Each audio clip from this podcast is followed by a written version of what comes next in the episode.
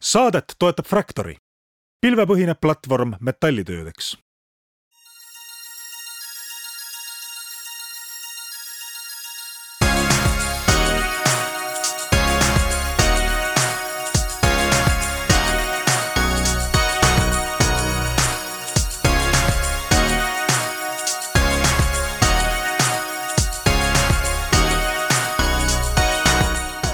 tere kõigile Restardi saate kuulajatele, meil kohe-kohe on jõulud, aga enne seda on meil üks kolmapäev ja selle kolmapäeva me oleme reserveerinud oma traditsioonilisele aasta lõpu külalisele. kindlasti paljud Restardi kuulajad on juba mõelnud, mis on juhtunud Markus Villiguga, et ta ei olegi teinud oma iga aasta lõpu äh, ülesastet Restardis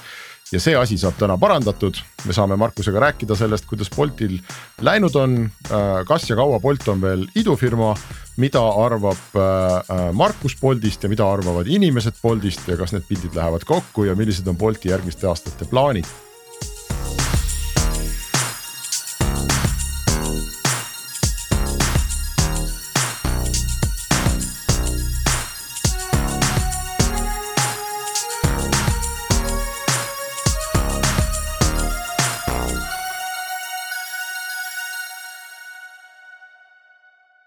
hea meel on öelda tere, Markus. tervist.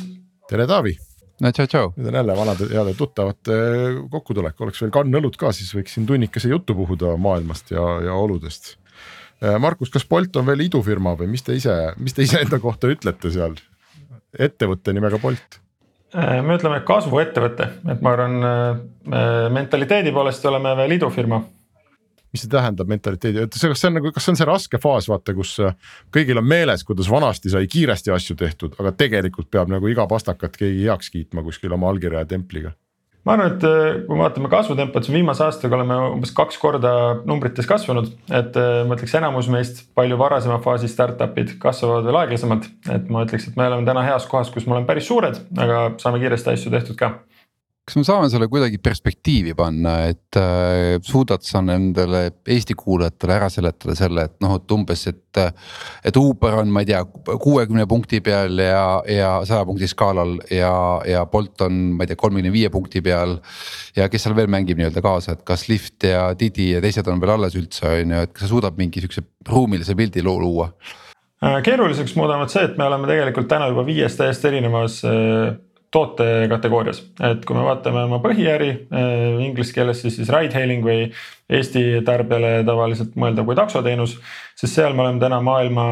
seitsme suure tegija hulgas. et tegelikult siia sektorisse pole viimased viis aastat sisuliselt kedagi uut tulnud äh, ja pigem see sektor konsolideerub, et väiksed kukuvad järjest ära. ja, ja siin me oleme selgelt äh, kõige suurem Euroopa tegija et sisuliselt meie ainuke konkurent siin on Uber ja, ja ülejäänud väiksemad on, on väga raskes olukorras et see on, see on meie põhiäri ja kui me vaatame ülejäänud sektoreid, siis toidutellimuste osas äh, on pilt pisut äh, mitmekesisem, et seal on maailmas viis suurt tegijat. kellest siis Wolt osteti hiljuti ära eelmine aasta Ameerika DoorDashi poolt. ja, ja seal me oleme pigem väiksem tegija, kui maailmapilti vaadata, aga samas, kui, kui siis sisse zoom ida ja vaadata neid riike, kus me päriselt toimetame Bolt Foodiga, siis enamus nendes riikides me oleme siis kas kõige suurem tegija või teisena kõige suurem tegija et, et tegelikult see ongi, et sõltub päris palju tootest ja sõltub, mis konkreetset riiki vaadata aga need muud, sa mõtled, kas sa, kas sa tõuksid ja rattad loed ka sinna ride hailing'u alla või see on veel mingi omaette kategooria? Äh, seda me loeme veel täiesti eraldi, et jah, üleüldiselt äh, meie missioon on inimeste jaoks lahendada ära isikliku auto omamise vajadus ja pigem see, et, et inimesed kõnniks rohkem jala, kasutaks ühistransporti ja meie jagatud teenuseid. nii et selles mõttes see on nagu üks tervik, aga äriüksusena me loeme seda eraldi, et, et meil nagu rendiäri all on kolm erinevat osa, et meil on tõukerattad, elektrijalgrattad ja jagatud autod, siis Bolt Drive ja tegelikult nendes kolmes nišis me oleme kõigis äh, Euroopa sisuliselt kõige suurem tegija, sõltub nüüd, mis numbreid vaadata, et, et klientide arvu ja sõitude poolest kindlasti aga kas need nišid on nagu valmis, et äh, selles mõttes, et nüüd ongi küsimus selles, et kuidas nendes põhinišides nagu suuremaks minna. või ikkagi te vaatate laiusesse ka, et, et midagi on veel tegemata, et äh,. ma ei oska isegi nimetada siin praegu mingit näidet, aga et noh, et, et ei, et me võtame veel selle ette ja tolle ette ja kolmanda asja on ju, et kui me mõtleme tooteportfelli mõttes, siis kokkuvõttes, kui me hakkame sellest kliendi vaatevinklist peale, et äh, mida on vaja äh, kliendile pakkuda, et ta saaks isiklikust autost loobuda, siis meil täna viis toodet on ja me arvame, et see lahendab päris suure osa vajadustest ära, aga see ei ole kindlasti veel kõik. Et meil on päris palju ruumi laieneda veel erinevate sõidukitega, näiteks selles osas, et meil ei ole näiteks mopeede, mis paljudes riikides on väga relevantne asi, mida rentida, meil ei ole tavalisi jalgrattaid, meil on ainult elektrijalgrattad. Äh, meil on siiamaani väga vähe koostööd äh, ühistranspordiga, äh, kus meil on päris palju ruumi siis müüa näiteks mingit ühist piletipaketti ja, ja nii edasi. et tegelikult neid võimalusi on veel päris palju. aga kui me vaatame need olemasolevat viite toodet, siis tegelikult ruumi kasvada, meil nendega on veel Euroopas sõltuvalt tootest nüüd kümme kuni sada korda. et tegelikult meil otseselt ei ole vajadust nüüd kohe järgmise aasta jooksul uusi tooteid lisada kümme korda, sada korda, see kõlab juba ju äh, noh, ütleme nii, et kui Bolt siin vahepeal oli juba äh, mitme miljardi ettevõte, siiamaani on ka tõenäoliselt on ju, et kümme korda kasvu, siis äh, noh. numbrid lähevad juba kaheksakümne miljardi, saja miljardi kanti, et see tundub juba selline asi, mis nagu enam ei ole hoomatav, et palju Uber praegu on? Uber täna platvormil käivet teeb nüüd umbes sada kakskümmend miljardit dollarit aastas ja nende väärtus on umbes pool sellest, eks umbes kuuekümne kandis aga miks ta nii palju kukkunud on, vanasti oli ikkagi umbes, ma ei tea, null koma kaheksa korda GMV või midagi sellist umbes on ju, et äh, ma arvan, et seal on kaks tegurit, et üks on see, et äh, viimase kümne kuuga on äh, kogu finantssektor päris palju alla tulnud. ka kõige paremad ettevõtted alates Apple'itest ja Microsoftidest aga kõige rohkem on just pihta saanud siis need kasvuettevõtted, kes peamiselt optimeerisid oma käibe kasvule, nii palju optimeerinud täna kasumile ja, ja nende väärtused on kukkunud kohati viiskümmend kuni seitsekümmend protsenti aga kuidas sellises mastaabis üldse nii-öelda äri kasvata, kasvatakse, et sa lihtsalt ongi, võtad järjest uut kapitali juurde ja lähed samas oma playbook'iga järgmisse riiki, järgmisse linna. ja noh, põhimõtteliselt nagu, nagu masin, nagu robot või on, on siin mingi muu saladus? Äh, meil tegelikult äh, on olnud päris erinev käekäik kui enamus äh, meie sektori ettevõtetel, et, et esimesed viis aastat sisuliselt me ei suutnud välist kapitali üldse kaasata. Ja me pidime põhimõtteliselt bootstrap ima siis startup'i mõttes, et, et saama hakkama paari miljoniga, mis me Eesti kohalikelt tinglitelt tõstsime ja sellega äri üles ehitama ja nüüd viimase kolme aastaga oleme me kaasanud rohkem kui miljard eurot kapitali, mis on siis rohkem kui sisuliselt pea ükski Euroopa tehnoloogiaettevõte selle perioodi jooksul. ja nüüd me oleme seda väga jõudsalt investeerinud aga nüüd tegelikult alates siis eriti Ukraina sõjast alates, kus finantssektor on, finantsturud on palju nõrgemaks läinud, siis me läheme tegelikult tagasi oma juurte juurde, et me investeerime vähem äh,. oleme pigem kasumi lähedal ja, ja ootame jälle paremaid aegu. et äh, kui jälle raha muutub odavamaks, siis äh, eks me jälle kaasame seda uuesti, investeerime jõudsamalt, aga seni saame hästi oma vahenditega hakkama ma just tahtsin küsida, sa enne viskasid väikse kivi kellegi kapsaaeda, kes on optimeerinud odavale rahale ja, ja noh, kiirele just käibekasvule ja mõtlemata võib-olla nii palju sellele, et mis mis joone alla jääb, eks ja me näeme, et paljudel firmadel on täna raske ja neile ennustatakse nagu lausa isegi kadumist. millele teie olete optimeerinud, noh te, teil on ka ikkagi kogu aeg olnud ju see, et kütame sisse, kütame sisse, kütame sisse. et kas teie olete rohkem mõelnud selle joonealuse peale või, või te millalgi mõtlesite ringi, et oh, oh, et see on ka tähtis, mis joone alla jääb? Äh, meil on tegelikult see raamistik maja sees olnud alati väga selge, et me alati vaatame mõlemat. ja kõik otsused maja sees me teeme lühidalt öeldes äh, ROI järgi. et me alati vaatame, et kui palju see asi maksab ja kui palju sellest ärile kasvu tuleb. ja see suhtarv on, on ülikriitiline asi, mida me vaatame absoluutselt igas osakonnas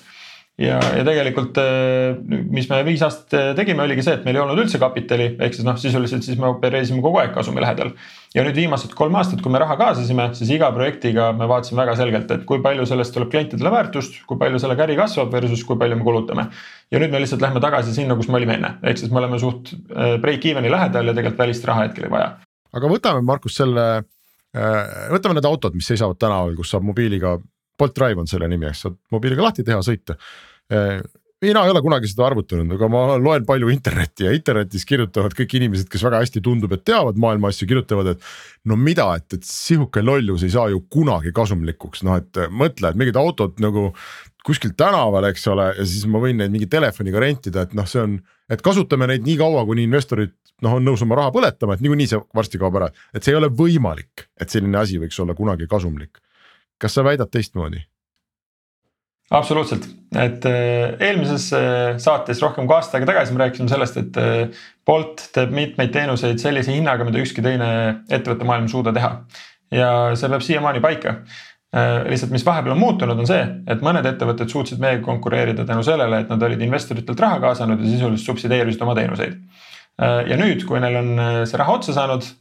nüüd nad peavad kõik oma hindasid tõstma aga meie oleme päris erinevas olukorras, kus me ei ole kunagi oma teenuseid nii palju subsideerinud ja seetõttu me ei näe ka, et me peaksime tänases majandusolukorras oma hindasid klientidele kõrgemaks tegema. muide, mega mugav teenus ehk siis äh, müts maha, et äh, ja selge eelis on ikka selle koha pealt, et kui sul on äh, sõna otseses mõttes nagu kõrvalparklas masin olemas, siis selle saab kiiremini kätte kui takso on ju, et noh, et, et minu, minule väga sobib et äh, thanks teenuse eest. Ja eriti kui seda on veel võimalik oma sõnul optimeerida, mis see kasumilähedane tähendab, Markus, kas see tähendab, et, et see on teie otsus, et te olete nagu kasumile noh, et ma ei tea, et me ei ole seda kasumikraani lahti keeranud, et me oleme niimoodi otsustanud või on, või on veel vaja, ma ei tea, maailmal või teil kuhugi areneda, et, et sellist kraani üldse oleks võimalik lahti keerata? seda kasumikraani. Äh pigem see sõltub sellest, kui kiiresti me tahame kasvada, et äh, sisemiselt meil on tabel, mis on äh, siis äh, ühes mõttes on meil erinevad tooted, kus meil ongi siis need erinevad viis toote, mis me, mis me ehitame. ja teises siis nagu veergudes on, et mis on meie erinevad riigid, kus me toimetame ja kui sa selle tabeli peale vaatad, siis, siis tegelikult meil on väga palju neid tooteid ja neid riike, kus me juba oleme kasumis ja siis on suur osa, kuhu me investeerime. ja kokkuvõttes siis grupi tasemel see number, mis välja paistab, põhimõtteliselt näitabki seda, et kui ruttu me laieneme uutesse toodetesse, kui ruttu me laieneme uutesse riikidesse. ja niipea, kui me otsustame seda tagasi tõmmata, siis me saame ka grupi tasemel olla kasumlikud. et selles meil ei ole kunagi küsimust olnud, meil on juba olnud riike, mis meil on olnud kasumis seitse aastat räägime konkurentsist, sa oled kindlasti nii-öelda uut Äh, andmestikku juurde saanud, õppinud uutelt turgudelt, äh, kuidas sinna minna, mida rohkem jälgida ja nii edasi, võrreldes sellega, mis sa meile rääkisid siin mõni aasta tagasi, eks, et äh, a la, et, et noh, ma ei tea, ma mäletan, kui sa rääkisid juttu, kuidas Uberiga konkureerides palju lihtsam on subsideerida või no ühesõnaga teha discount'i oma sõitudele, kui sul on väiksem turg versus Uber, kes peab tervet turgu nagu toetama ja nii edasi, et. et kas siin on midagi muutunud, kas see, mismoodi te üldse konkurentsi näete, see, mismoodi te üldse seda tajute, kui palju palju te lähete erinevate discount idega kaasa ja nii edasi, et kas siin on mingi muutus ka toimunud või on ikka samamoodi täpselt nagu kolm-neli aastat tagasi? ma arvan, et suurem muutus on see, et viimased neli aastat oli raha suhteliselt odav ja tegelikult äh, väga hästi läks nendel tegijatel, kes olid äh, kõvad jutumehed, ütleme Eesti mõttes, et, et story telling oli see, mis oli fookuses ja, ja ettevõtjad suutsid tõsta sadu ja sadu miljoneid ja, ja miljardeid raha. Äh, isegi siis, kui see tegelikult see ärimudel ja operatsioonid olid väga heas korras ja nüüd tegelikult on see aastaga täiesti muutunud, et sisuliselt kõik investorid keskenduvad sellele, mis on kasumlikkus ja ainult see, mis su story on, ei huvita enam väga kedagi. nii et tegelikult meile see keskkond meeldib oluliselt rohkem, et ma arvan, me ei ole olnud kunagi ettevõte, kes on olnud selles välises kuvandis väga tugev, me oleme alati keskendunud sellele, et kuidas me teeme operatsioone hästi, et oma kliente hästi teenindada. ja tegelikult praegusel ajastul, kus kõigil on vähem raha, läheb meil oluliselt paremini kui teistel Äh, mis see nüüd tähendab konkreetselt igas sektoris on pisut erinev, kuna lihtsalt igas sektoris on need konkurendid ka päris erinevad, et mõni neist on efektiivsem olnud nagu näiteks DoorDash USA näitel. Äh, mõned nendest nagu näiteks Uber on olnud ajalooliselt pigem väga suure kulubaasiga ja nüüd neil on rasked ajad, kus nad peavad oma kulusid kõvasti optimeerima, et meile järgi tulla. ma mõtlengi, et kui sa mõtled nagu lähed Pariisi on ju, et äh, ma olin sügavalt üllatunud suvel tellisin äh, endale masina, arvasin, et Bolti Pariisis ei ole, ma ei tea, miks ma niimoodi arvasin. tellisin Uberi ja siis tuli Bolti auto tuli ette, on ju, et äh, Bolti logodega nii-öelda, aga Uber kui teenus. järgmisel korral olin juba targem, järgmine kord enam äh, võtsin kohe Bolti. et äh,, et kui sa nüüd Pariisi lähed, et kas, kas mõtlen, just, just mõtlen, kas selles konkurentsis, kui sa lähed nagu üks-ühe vastu selle kõige suuremaga, on ju, et kas selles on mingi noh, mingi mängu nii-öelda playbook'i muutus või nii-öelda nagu strateegia muutus, kuidas sa võtad linna üldse oma turuosa sealt? fundamentaalselt on meil alati eesmärk olnud sama, et me vaatame kliendi seisukohast, mis on kliendile tähtis. üldiselt klienti huvitab äh, teenuse kättesaadavus, kui ruttu tal auto kohale tuleb, mis on selle auto kvaliteet ja juhi kvaliteet ja muidugi, mis on teenuse hind. et tegelikult ega need kolm faktorit on alati samad ja igapäevaselt suurem enamus ettevõttest tegeleb sellega, et just nendes faktorites siis parem olla et ma arvan, mis on pigem aja jooksul natuke muutunud, äh, on lihtsalt see, et äh, keskendume aina rohkem sellele, et ka see kliendi kogemus oleks parem, et me investeerime aina rohkem tehnoloogiasse just sellele, mis kliendile välja paistab. et ma arvan, kui eelmised aastad me pigem keskendusime sellele, et Äh, nagu see back office'i pool, et kuidas me juhte vastu võtame ja opereerime ja hindasid määrame, et see oleks väga tugev, siis nüüd me aina rohkem keskendume sellele, et ka see kliendile välja paistev äpp oleks kõige parem äpp maailmas. Et, et ma arvan, see on pigem selline ainuke strateegia element, mis on nüüd ju hiljuti muutunud äpp on hea, aga see on ikkagi nõme, et äh, Eestis vähem, aga suurlinnades sõitude cancel damine, et äh, noh, et sa ei saagi. umbes seitsmes auto võtab su vastu lõppude lõpuks on ju ja, ja võtab su peale õigemini on ju, et, et. see on ikka päris tüütu, just seesama, et sa pead nagu varuma rohkem aega selleks, et esimesed kümme minutit sa tegeled endale auto saamisega on ju, et. Äh, aga selle vastu vist rohtu ei olegi või on? Äh, on küll tegelikult, aga siin jälle tuleb mõelda kahel tasemel, et üks on see, et äh, kui palju see tuleneb lihtsalt kogu äh, turu eripäradest. et kui me vaatame näiteks Pariisi, siis kogu Pariisi peale on autojuhte umbes kakskümmend tuhat. tegelikult peaks neid olema viis korda rohkem, kui me vaatame seda suhtarvu inimese kohta teiste linnadega võrreldes et see on lihtsalt regulatsioonist tulenev eripära ja see on kõigil platvormidel suhteliselt kehva. et äh, seal me peame lihtsalt panustama sellesse, et, et meil oleks tugev tiim, kes siis tegeleb poliitikute harimisega sisuliselt ja näitab neile, et see ei ole kõige parem äh, seis, mis täna on siin saaks luua tuhandeid töökohti, siin saaks teha klientidele parema teenuse ja, ja lõpetage see aegunud regulatsioon ära. et see on see, kuhu me aina rohkem panustame aga see on, kas see on sama, et nagu Helsingis ja New Yorgis, et sul on mingid eluaegsed taksojuhiload või mida pärandatakse põlvest põlve või mis see probleemiks on? jah, kurbas ongi see, et, et me oleme nüüd selles sektoris olnud varsti kümme aastat ja seadused on, on samad, mis on olnud viimased kolmkümmend aastat, et, et me teeme siin päris palju tööd, et neid muuta. aga teine tase on tegelikult see, et isegi kui see turg on kehv siis lõpuks klienti huvitab see, et relatiivselt, milline platvorm pakub talle kõige paremat teenust. ja isegi kui see turuolukord on Pariisis nagu ta on, siis meie eesmärk on see, et me pakuksime kliendile paremat teenust kui ükski meie konkurent. ehk siis kui klient kasutab meid, siis ta saab parema teenuse ja kiirema auto. ja see on see, kuhu me üritame siis eh, peamiselt ressursse panna samas muidugi hind vist on ikka jätkuvalt äh, suur argument, et mul õnnestus sinu meeskonna liikmetega rääkida mingil hetkel ja nad tõid selle välja, et noh, et, et käib ikkagi äh,. eriti kui sa teed pikema sõidu, käib ikkagi nagu tõsine arvutamine, et vaadatakse ühe äpiga hinda, vaadatakse teise äpiga hinda, kuigi tundub, et noh, mis seal vahet saab olla, võib-olla mingi pool eurot või euro on ju, aga. aga et hinnatundlikkus on ikkagi äh, jätkuvalt ikkagi väga suur argument, et millist taksot võtta, millist mitte absoluutselt, see on tegelikult, me oleme eriti tänases majandusolukorras aina olulisem ja jällegi mängib siin Bolti tugevustele. et me oleme jätkuvalt selle sektori kõige efektiivsem tegija ja me suudame alati pakkuda pisut odavamat hinda kui teised. ehk siis nüüd, kui nad ei saa oma investorrahadega enam hindasid subsideerida ja nad peavad päriselt pakkuma jätkusuutlikku hinda, siis pigem läheb meil hästi järgmisel kahel aastal see poliitikute lobimine on tegelikult hästi huvitav teema, sellepärast et äh, noh, lihtne on vaadata mingite taksojuhte kui sektorit, mingit lubade arvu ja nii edasi, on ju. sealsamas äh, minu jaoks oli see mega üllatus omal ajal, kui hakkad mõtlema, et äh, kui palju probleeme lahendab ära see võimalus, et ma noh, kasvõi ajutiselt saan sõita taksot. et alles hiljuti sattusin sõitma ühe masinaga, kus oli, ma alati intervjueerin neid juhte, et äh, saada aru, et kas, kuidas nad rahul on ikkagi oma tööandjaga ja nii edasi, on ju. ja, ja oli üks äh, kunagine ettevõtte juht ehk väga edukas inimene ütles, et tal on praegu sihuke faas, kus äh, tööd ei ole. ja nii-öelda hea meelega sõidab taksot, et ei ole üldse nagu probleemi, et et eh, noh, Eestis on tõenäoliselt vähem tunda, aga just sellistes riikides, kus sul selline tööpuudus on. Eh, niisuguse lihtsa töö kättesaadavus on väga oluline ikkagi nii-öelda nagu, kuidas ma ütlen siis äh,. ühiskonna tasuga tasakaalustaja või, või nii-öelda siis nagu tööpakkuja koha pealt, et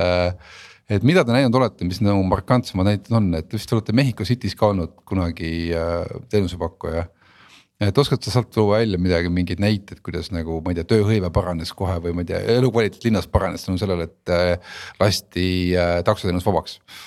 siin on paar lihtsat numbrit, et äh, kui vaatame kasvõi Eestit, siis meil on täna umbes üks protsent kogu Eesti tööealisest elanikkonnast,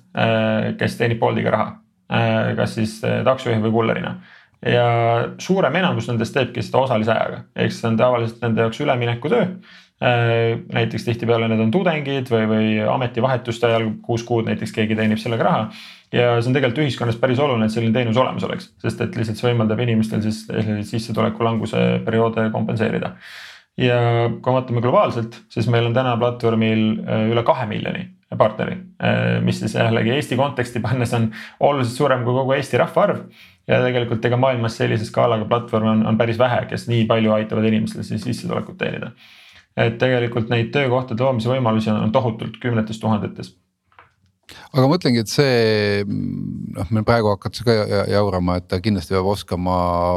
kõrgemal tasemel eesti keelt ja nii edasi, on ju, et kuidas te seda, seda lobi näete või, või seda probleemi, et. noh, ikka peab ikka eestlane olema selleks, et teenindada teist eestlast, on ju selle osas ma näen, et debatid juba käivad mõnda aega. antud nüüd ettepanek, mis kullereid puudutab, me näeme lihtsalt ei ole läbi analüüsitud, et see tundub rohkem selline poliitiline manööver olevat enne valimisi et äh, selle taga mingit analüüsi siiani pole näinud. ma just vaatasin eelnevalt statistikat, et täna keskmiselt äh, pöördub siis klient meie poole äh, siis keeleteemalise kaebusega vähem kui ühel korral sajast tuhandest tellimusest. Ehk siis nagu üheksakümmend üheksa koma üheksa protsenti kliente saab täna väga hästi teenusega hakkama ja mis me oleme teinud selle kompenseerimiseks on näiteks see, et meil on äpis nüüd automaatne tõlge ehk siis, kui kliendil on vaja suhelda juhi või kulleriga, siis tegelikult mõlemapoolselt toimub tõlkimine automaatselt, mis jällegi vähendab selliseid suhtlusprobleeme. et äh, jah, antud juhul ma küll ei näe tõesti, et mis probleemi me üritame lahendada. Tuleb lõbus lugu meelde, ma olin kunagi Shanghais ja toonase Microlinki bossi Enn Saarega tahtsime minna loomaaeda, et pandat näha, noh polnud elus pandat näinud, et noh, et läheks vaataks, on ju aga kuidas sa tellid nagu äh, taksot ja teed selgeks taksojuhile, et et sul on vaja loomad saada, et, et me pistasime autosse sisse, siis tegime igast silmi ja nägusid, et noh, umbes, et noh, et kõrvadega, et näed. karu nägu või? umbes, umbes jah, aga noh, täiesti, täiesti lootusetu, mingit võimalust, et äh, kobisin välja ja ei saanudki hakkama, on ju. no näed, oleks Bolt olnud ähm,, aga Markus, kui me nüüd vaatame aastale tagasi, eks siis äh, minu jaoks tundub et on õudselt palju inimesi avalikkuses, kes, äh, kellel nagu, kellel on mingi probleem Boltiga. Noh, kas mõnel on konkreetselt, et näed, seekord see teenus ei töötanud või mõnel on laiemalt, et kurat, vedelevad siin jalus mingisugused asjad ja. ja et küll Bolti äh, klienditeenindus ei kuula mind ja ei tööta ja ei lahenda probleeme ja taksojuhid on ebaviisakad ja. me näeme uudiseid, kuidas nad kihutavad umbes ristmikele ja jäävad sinna seisma ja mingid seksuaalse ahistamise juhtumid ja nii edasi äh, mina ei mäleta eelmistest aastatest neid nagu üldse nii palju, kas sa oled seda ise tähele pannud viimase aastakese jooksul ja mida see, mida see sinu jaoks näitab? Siin on päris mitu teemat koos, et, et üks on kindlasti see, et eh, me oleme täna lihtsalt nii palju kasvanud, et eh, me teeme ainuüksi Eestis äh, iga aasta kümneid miljoneid siis sõite ja tellimusi et äh, lihtsalt tulenevalt sellest mahust on kindlasti seal mingisugune null koma protsent sõite, kus midagi juhtub ebameeldivat kliendile või, või juhile. et see, see on lihtsalt tulenevalt suurusest äh, aga kui me vaatame tegelikult neid määrasid, et kui tihti, siis mis protsent äh, sõitudest ja tellimustest midagi halba juhtub, siis tegelikult me sellega teeme iga aasta progressi ja need numbrid lähevad iga aastaga paremaks. et selle osas me mingit sellist üllatavat trendi pole näinud Äh, ja teine teema mulle tundub, on see, et lihtsalt klientide ootused iga aastaga kasvavad. et kui me vaatame viis aastat tagasi, äh, mis näiteks toimus Tallinna taksosektoris, äh, siis ilmselgelt enamus inimeste jaoks Bolt oli väga suur hüpe edasi. aga inimesed harjuvad sellega ära ja, ja nüüd nad näevad, et okei okay,, et see teenus juba on sellisel tasemel ja lihtsalt ootused kasvavad aina edasi ja siin ongi, ma ütlen, koormus tegelikult meil Boltina, et me peame lihtsalt iga aastaga oma tööd paremini tegema, et nendele kasvavatele ootustele vastata kusjuures ma alati naeran, et kui on äh, jälle uudis, et äh, Bolti auto sõitis äh, äärekivi otsa või mis iganes siin alles hiljuti oli jälle on ju, et. et, et huvitav, et miks keegi ei kirjuta, kui näiteks mõni Swedbank liisingu klient nagu sõidab äärekivi otsa, sest noh, sorry, aga see auto, mida sa oled liising, kuulub ikkagi liisingettevõttele on ju, et noh, et samamoodi lihtsalt pole kleepekat peal on ju, et näed, et see on Swedbank liisingu oma on ju, et selles mõttes nagu ikkagi naljakas alati see on jah su suur äh, tegelikult teema, kus me näeme, et äh, ühiskonnas on kuidagi tekkinud see ootus või vähemalt selline arutelu hiljuti, et äh, neid rendisõidukeid peaks kuidagi oluliselt rangemalt reguleerima kui kõiki omadussõidukeid. olgu need siis tõukerattad või jalgrattad või, või autod. ja tegelikult, kui hakata mõtlema, mis probleemi me lahendame, siis jah, enamasti on need probleemid sarnased, et me tahame tõsta turvalisust, me tahame parandada parkimiskultuuri aga millegipärast just üritatakse keskenduda sellele väga väiksele turuosale, mis on paar protsenti turust, mis on siis need jagatud sõidukid, sest need on lihtsalt Bolti logoga. aga tegelikult, kui me vaatame linnapilti, siis täna Tallinnas näiteks on üle kahesaja tuhande eraauto ja on umbes tuhatkond Bolt Drive'i autot ja lihtsalt, miks me keskendume ainult sellele ühe tuhandele, nagu nendega oleks kõik probleemid, et tegelikult, kui me vaatame suhtarve, siis Bolt Drive'i autodega tehakse kilomeetri kohta vähem õnnetusi, kui tehakse selle kahesaja tuhande eraautoga, aga lihtsalt need paistavad palju rohkem silma. Neil ei ole logosid, eraautol ei ole logo peal, eraauto Jaanus ja. sõidab, eks, et sul on, sina oled oma autot logodega varustanud ja see loomulikult jääb silma. aga selle kõige kõrval mul siiski on nagu tunne, et, et inimesed äh, kasutavad Bolti teenuseid, aga, aga nad ei armasta Bolti nagu, et no ei teki selline soe nagu kodune tunne, eks mina armastan Bolti. sina arvad jah, aga sa oled ka, sa oled ka investor või vähemasti olnud ja sul on teistsugused põhjused ka armastada. aga, aga, aga inimene tänavalt pigem mõtleb, et oh kuradi Bolt jälle mingi jama. miks, miks nad ei armasta, mis, kas te olete midagi jätnud nagu tegemata või sa räägid liiga palju numbritest ja suhtarvudest ja, ja ei kallista inimesi piisavalt? Ma arvan, et selles äh, on sarnane probleem nagu võib-olla selle investorite raha kaasamisega, et me oleme täna väga palju ettevõttena keskendunud numbritele ja reaalsusele, et, et me päriselt vaatame statistikat, et kas inimesed on rahul või mitte. ja nagu mainisin, et, et tegelikult me näeme, et iga aastaga teenus läheb objektiivselt kõikides numbrites paremaks. aga jah, me ei panusta võib-olla piisavalt sellesse, et nüüd väliselt ennast turundada ja sellist positiivset kuvandit ehitada, vaid me pigem loodame, et kliendid räägivad ise positiivselt meie eest ja kui me vaatame kasunumbreid, siis iga aasta, isegi Eestis jätkuvalt kõik numbrid lähevad ülesse. vaatame reitinguid, äh, kliendid on suurem enamus, üheksakümmend üheksa protsenti väga rahul positiivsete reitingutega. et äh, mulle pigem tundub, et see lihtsalt tuleb kaasa platvormi suurusega, et, et mingist suurusest isegi kui sul ainult üks protsent inimesi on rahulolematud, siis neid juba absoluutnumbris on päris palju ja, ja see paistab silma. seal võib ka olla, ma mõtlen enda käitumise peale, et ma, ma ei, ma ei kavatse hakata siin lahkama, eks ole, iga jumala kokkupuudet Boltiga, aga noh, mingil hetkel mul oli tõesti, ma mõttes lugesin kokku viimased kümme kokkupuudet Bolti erinevate teenustega ja igaüks neist oli negatiivne. ja ma nullil korral noh, tulin, andsin sulle tagasisidet, eks, et või, või üldse Boltile, et noh, et mingi jama on, vaid noh, kirusin natuke, panin rusika tasku ja läksin edasi, on ju, võtsin tuuletõuksi, et, et võib-olla see võib-olla see ei jõua teile numbritesse iga kord või kas, kas, kas sa usud, et, et numbrid näitavad nagu kõike, mida inimesed tänaval käies ja Boltiga kokkupuutus äh, tunnevad? no täna me oleme skaalas, kus meil on üle saja miljoni kliendi, et no ilmselgelt enamus otsuseid me peame tegema numbrite pealt, sest et äh, muidu lihtsalt sa teed kellelegi head ja kellelegi halba.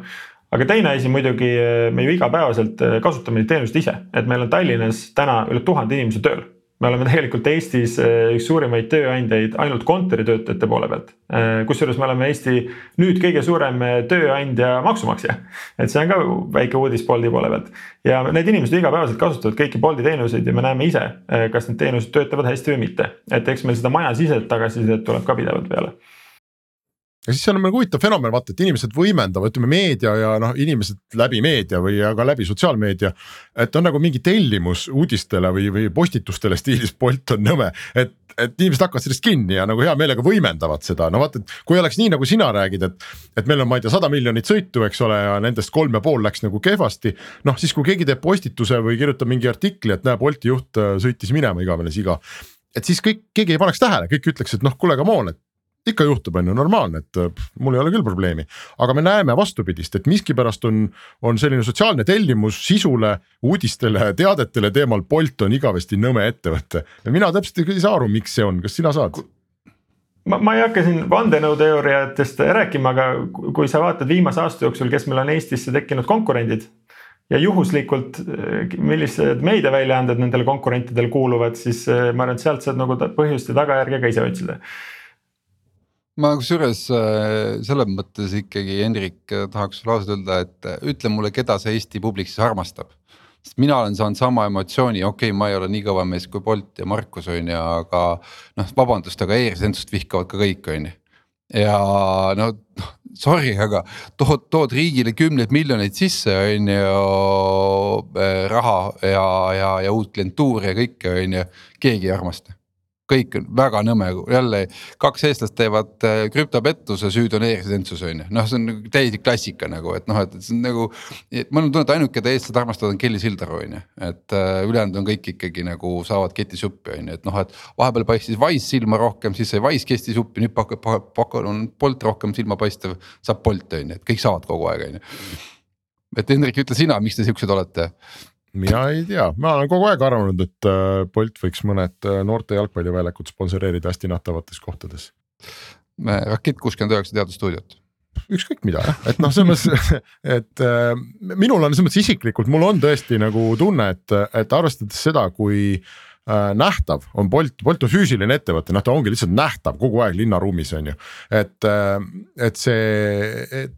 et Bolt ei anna nagu kuidagi tagasi või, vaid noh, sellist, et sellist ongi sellist sooja suhtumist nagu ei ole, et noh, et okei okay,, me paneme tõuksid sinna tänavatele on ju, sa mõnikord koperdad sinna otsa, sorry, me tõesti palume väga vabandust. aga näed, et si siin on teile nagu äh, kolm avalikku kossuplatsi, et. kuule oota, toome, toome, toome hoopis ägedama teema sisse, parim viis, kuidas nagu Bolt nagu saab äh, tagasi anda, on see, et ta teeb IPO siis kui ta ikkagi, Markus räägib meile, et ta kasvab kaheksa kuni kümme korda veel, on ju. kui me saame omaenda Eesti ettevõtte, kuhu eestlased saavad investeerida, kes usuvad seda juttu, et tõesti kaheksa kuni kümme korda saab. no mis Tallinki, Tallink on köömes võrreldes sellega on ju, et, et me räägime siin ikkagi nagu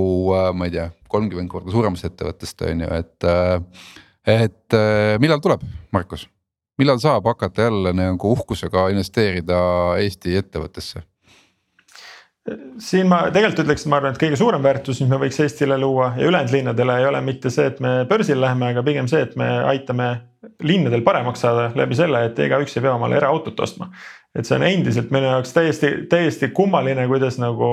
äh, keegi ei keskendu sellele, et kui palju probleeme meil tuleb eraautodest ja kritiseeritakse siis tõukerattaid, nagu need oleks siis kõige suurem mure. et jällegi, vaatame Tallinnat, Tallinnas on kakssada tuhat äh, eraautot kui palju ruumi läheb selle alla, kui palju õnnetusi, eh, kuidas see mõjutab meie õhukvaliteeti ja kõike muud. aga siis kuidagi probleem on nende kahe tuhande tõukerattaga, mis on siis aeg-ajalt valesti pargitud. et äh, siin mulle tundub, on nagu lihtsalt selline natuke aja küsimus, et inimesed harjuks ära ja, ja saaks aru, et kus päriselt probleem on ja millele päriselt peaks keskenduma. aga tulles selle IPO küsimuse juurde tagasi, siis äh, kui me vaatame tänaseid lihtsalt finantsturge, siis konkreetselt kaks tuhat kakskümmend kaks on äh, toimunud Euroopa tehnoloogia IPO-sid kolm tükki ja eelmine aasta toimus neid ligi üheksakümmend. ehk siis on olnud totaalne turu sulgemine, praktiliselt ükski ettevõte täna börsile ei tule, sest lihtsalt investorid on nii kartlikud. et äh, see paneb ka meile lihtsalt äh, vähemalt aastaks-kaheks piirangu peale, et millal on turud üldse vastuvõtvad ja millal seda kaaluda saaks. no kaks on juba isegi hea lubadus, kui aus olla, et siis noh, sul läheb aasta puhtalt juba ettevalmistamise peale aga te muidu oleksite tahtnud teha varem või kas kas te tegite oma plaanid ümber mingis mõttes tänu, ma ei tea, koroonale ja sellele järgnevale tõesti, mis, mis praegu börsidel on toimunud? tehnoloogiasektor tegelikult on viimase kahekümne aastaga nii palju muutunud, et kui vaadata kahe tuhandendate alguses, siis tegelikult äh, oli päris raske raha kaasata eraettevõttena ja avalikuks minemine oligi primaalne viis siis, et raha saada ja kasvada. aga nüüd viimased viis aastat eriti on olnud eraettevõtetel nii palju kapitali saadaval, et lihtsalt IPO-l ei olnud tegelikult äh, väga väärtust. et, et vaadates, kui palju tekib sellega probleeme, et sa oled avalik ettevõte, siis sa lihtsalt tasunud enamus firmade jaoks ära aga nüüd, kuna jällegi kapital on muutunud kallimaks ja turg muutub, siis ehk jälle kahe aasta pärast on see olukord teistsugune ja IPO lähevad jälle populaarsemaks aga see tõi kaasa ka selle, et need IPO-d, mis siin ka viimaste aastate jooksul, noh, mitte Euroopas, vaid ma mõtlen ka USA-s on ju, mis on tehtud. Need olid palju vähem, mulle tundusid need, need nagu sellised, kaasame avalikult kapitali ja saame kõik äh, mingit hüve sellest kasvust. ja palju rohkem tundus see selline noh, suurte investorite poolne firma mahalükkamine avalikkusele on ju, et noh, et sellest lehmast nagu rohkem ei pigista. ja, ja noh, ma, ma ei tea, et kas see, äh, kui nüüd raha läheb odavamaks ja siis sa tuled börsile, siis mul on ka nagu põhjust küsida, et noh, et rohkem, et mõistus sai otsa või, et enam ei kasva ja nüüd müüd avalikkusele maha ja siis ütled pärast, et me ei tea, näe, kukub aktsia hind pigem mulle tundub, et siin on olnud see suurem trendi muutus lihtsalt tänu sellele, et seda eraraha on olnud nii palju rohkem saadaval. et eh, enamus investorid saidki aru, et eh, tegelikult see börsile minek on firmale päris suur koormus. Äh, mitmes aspektis, alates nagu info avalikustamisest kuni raporteerimist ja kõige muuni. ja tegelikult lihtsalt firmad suudavad palju efektiivsemalt toimetada, kui nad on äh, mõned aastad kauem privaatsed. et, et see mulle tundub, oli see primaarne arusaamine, mis investoritel tekkis ja sellepärast see kapital liikus üle ka teisele poolele sa oled olnud meil varasematel aastatel äh, Restardi küsitluses ka kui kõige ägedam startup'i juht on ju, selle aasta tulemusi me veel ei tea, on ju, aga. aga ikkagi selle aasta jooksul Markus kui juht, mille poolest tema targemaks on saanud? ma arvan, et eh, kordan sedasama õppetundi, mis eh, olen igal aastal saanud, et inimesed on ikka väga äh,, väga oluline osa. et sul võib olla kõige parem strateegia äh,, sa võid kaasata väga palju raha, aga kui tiim äh, ei sobi hästi kokku, siis tulemusi ei tule ja see on lihtsalt õppetund, mis ma iga aasta saan, et, et kui me näeme, et mõni osakond hästi ei tööta, siis sa võid alati üritada sinna ümber ehitada protsesse ja igatpidi seda kuidagi parandada, aga lõpuks andub kõik inimestele. et kui sa leiad ikkagi õige inimese, siis ta on väga autonoomne, saab ise hakkama ja lased ta lihtsalt toimetada ja ei kuluta tema peale aega ja saad rahulikult magada. et, et see on, ma arvan, suurim õppetund aga ma mõtlengi, et see on igal startup'eril ja mitte ainult startup'eril ka noh suvalisel ettevõtjal ikkagi päris suur nagu probleem, et sa oled värvanud inimese. ja ta on nüüd seal ütleme kolm-neli kuud toimetanud, on ju, ja sa saad aru, et kurat, et tegelikult ikka ei ole see, on ju, et noh, et ma ei saa rahulikult magada ja asjad ei liigu ikkagi nii kiiresti ja. ja niimoodi nagu ma tahaksin ja ma tahaks nii nagu ma ei tea, Jevgeni teeb, on ju, et Jevgeni on tõesti hea. tahaks nii nagu ise teen, ta ei, ei tee nii nagu mina ei, teeks. mitte ise, ei no vaat tihti on ka see, et noh, ma ei tea, mina näiteks turundust teha ei suuda, on ju, et ma hästi ei jaga seda valdkonda, ma ei saa endaga võrrelda üldse, on ju. aga, aga, aga see hetk nagu see lahti lasta, see nii-öelda nagu sellest inimesest, et ma küll värbasin su, aga nad ei tulnud välja ja et sa võtad selle kohe selle ette vestluse, et sa ei hakka seal tõesti nagu noh, mingeid petumudelit sinna kõrvale tegema, et noh, et, et ei, uus. et äh, kuidas selle otsuse teed või on noh, tuleb see nagu, nagu hetkega ära ja siis, kui on juba peas olemas, et ei, see ei ole õige. et siis parem äh, kiire lõpp kui lõputu õudus ma arvan, et täna pigem ettevõttena meil ei ole niivõrd raske see otsus, et inimesega peaks ära lõpetama. Äh, lihtsalt oluliselt raskem on see, et kuidas leida siis see õige hea inimene sinna asemele et äh, kui me mõtleme, kuidas me üldiselt opereerime, siis äh, me anname inimestele väga palju vastutust. Äh, äri on suur, meil on tihtipeale olukord, kus tuleb sisse uus inimene. ta on kohe rollis, mida ta pole kunagi varem teinud, ta peab päris palju pingutama hakkama, juhib mitme miljoni väärtuses vähemalt äri. ja me usaldame, et ta saab sellega hakkama, aga eks me toetame ja kui me näeme siis mõne kuuga, et ta tegelikult ei saa hakkama, eks me siis üritame aru saada, et mis need põhjused on, et kas me saame seda inimest kuidagi õpetada, äh, võib-olla mingisse muude rollide liikuda ja nii edasi, et ega muidugi esimene reaktsioon kunagi ei ole see, et me peaks nüüd kohe ära lõpetama. aga pigem jah, raske osa on see, et kus sa selle järgmise inimese asemele leiad, sest kui me vaatame enda suurust täna Eestis, siis äh, kui palju on siin inimesi, kes on enne juhtinud mitme tuhande pealist meeskonda praktiliselt mitte ühtegi ja need, kes Polegi. on, töötavad kõik Boltis et noh, meil on väga raske leida inimesi eh, kuidagi teistest ettevõtetest, keda palgata ja me peame neid lihtsalt mujalt siia tooma. või siis teine variant, eh, me annamegi inimestele võimaluse, kes pole kunagi sellist tööd enne teinud. ja kui me vaatame suuremas osas oma juhtkonda, siis tegelikult need ongi inimesed, kes alustasid väiksemas rollis ja on suutnud paari aastaga väga ruttu kasvada meil on inimesi, kes pole kunagi varem inimesi juhtinud, täna juhivad Boltis tiimi, kus on sada inimest, sest nad on lihtsalt ise tohutu isikliku kasvu läbi teinud sa ei ole ka kunagi kolme tuhandet inimest juhtinud, kuidas see, kas sina oled teadlikult kasvatanud ennast sellesse või, või oled sa lihtsalt loomulik anne sul juhtida sellist asja niimoodi?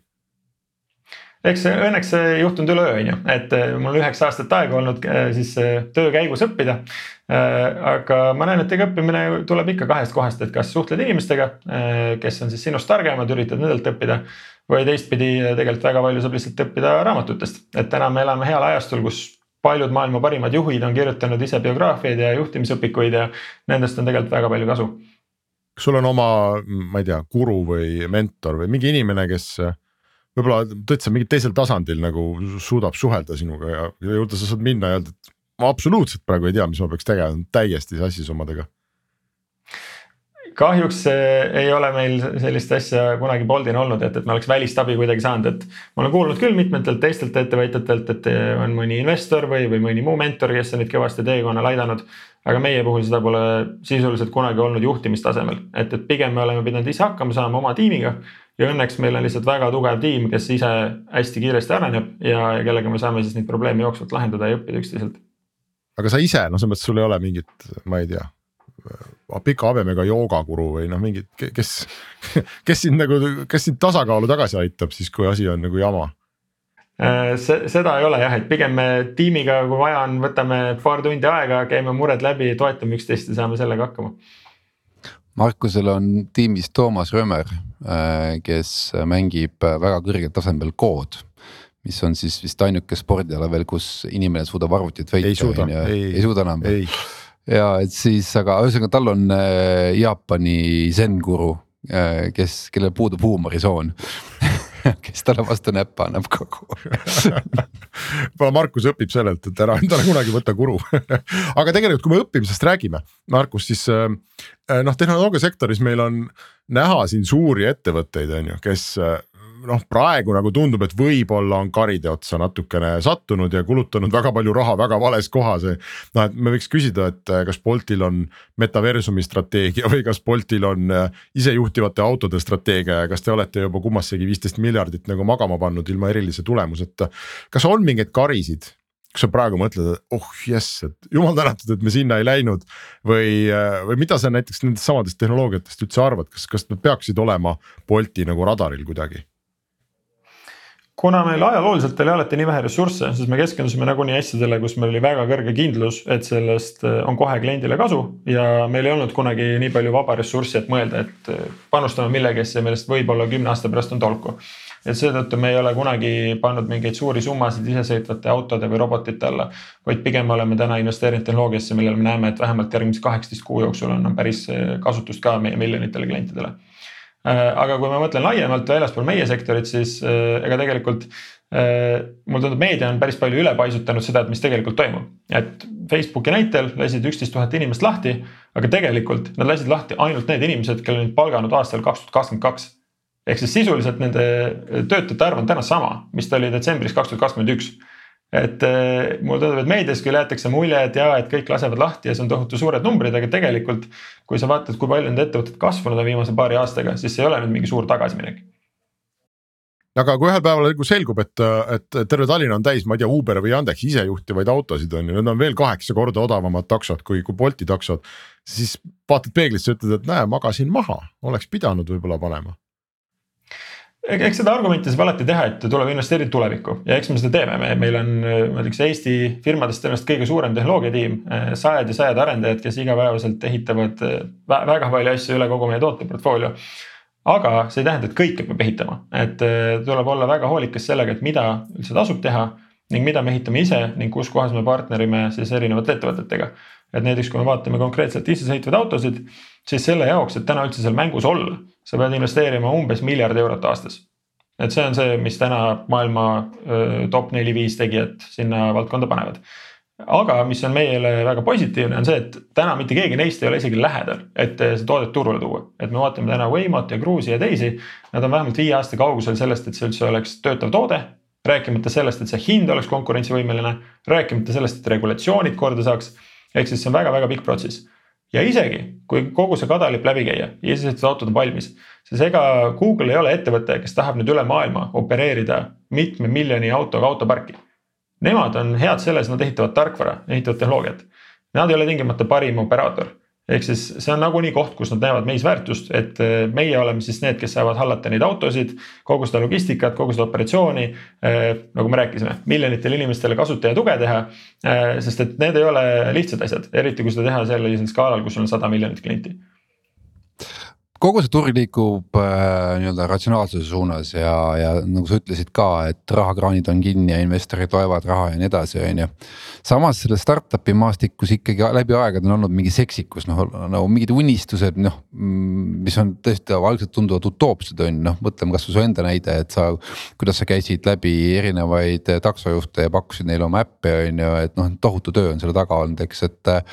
et kui sul praegu on nagu sõnum öelda tänastele startup eritele, kes no ma ei tea, on seal pre-seed, seed äh, faasis on ju, et nad alles nagu nii-öelda kujundavad oma, oma toodet ja otsivad oma seda market fit'i ja kõike muud asju on ju, et. et äh, on sul nendele midagi öelda praegu? ma tegelikult ütleks, et neil on asjad oluliselt paremini kui hilisema faasi ettevõtetel. sest et kui me vaatame täna konkreetselt seda raha kättesaadavust, siis see on kõige rohkem mõjutanud börsiettevõtteid ja mida varasemasse faasi sa sealt lähed, seda vähem on tegelikult täna raha kättesaadavus äh, kehvemaks läinud. et äh, kui me vaatame täna alustavaid ettevõtteid, siis tihtipeale seal tegelikult on äh, siiamaani olukord suhteliselt sama, mis ta oli aasta aega tagasi. ja, ja ma ei ole kuulnud ühegi VC poolt, et nüüd seal turul oleks oluliselt lihtsam nüüd odavate hindade pealt ettevõtetesse investeerida, kui seda varem oli. et tegelikult neid ettevõtteid see väga palju ei mõjuta ja seal ütleks ainult, et jõudu tööle no ma just mõtlen seda, et me Henriku näeme siin ikkagi üle nädala